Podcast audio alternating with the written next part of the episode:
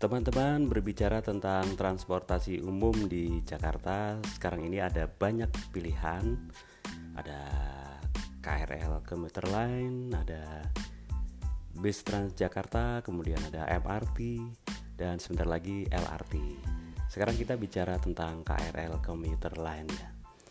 Kereta ini sebetulnya sudah ada lama Cuman beberapa tahun terakhir kondisinya lebih bagus kalau dulu kita sering lihat yang kereta yang ada orang-orang naik di atas gerbong itu sekarang sudah tidak ada lagi.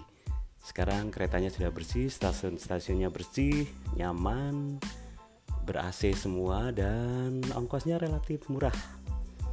Untuk pergi menggunakan KRL ini, Anda cukup membeli bisa membeli eh, THB, tiket harian berjaminan ataupun KMT. Kalau THB ini dipakai untuk temporary, biasanya Anda cuma tinggal di Jakarta nggak lama ataupun ya eh, nggak sering-sering banget pakai KRL, bolehlah beli ini. E, nanti akan beli di loket ataupun di mesinnya itu mesin beli tiket. Nah, ya tinggal nanti jaraknya ke mana dan ada jaminan yang bisa di refund saat Anda keluar dari gate Sedangkan kalau Anda tinggal lama di Jakarta dan sering menggunakan KRL, sebaiknya beli KMT aja. Kartu ini multi trip jadi bisa dipakai ke mana aja dan turun di mana saja, kapan saja asalkan saldonya ada. Jadi kita bisa top up saldo dari KMT ini di mesin uh, pembelian tiket ataupun di loket. Selain kartu-kartu ini Anda juga bisa pakai kartu yang diterbitkan oleh bank seperti Flash, Breezy, Tapcash itu fungsinya hampir sama dengan KMT. Jadi kalau Anda sudah punya kartu-kartu ini ya nggak usah beli KMT.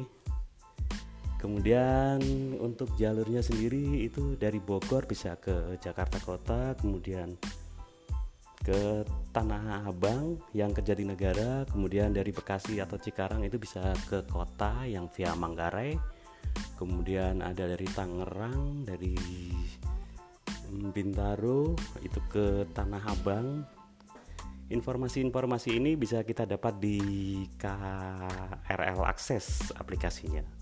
Kemudian juga di gerbong-gerbong kereta juga terpampang jelas rute kereta-kereta ini jadi kita jangan takut untuk salah apa tuh? Salah arah atau salah rute.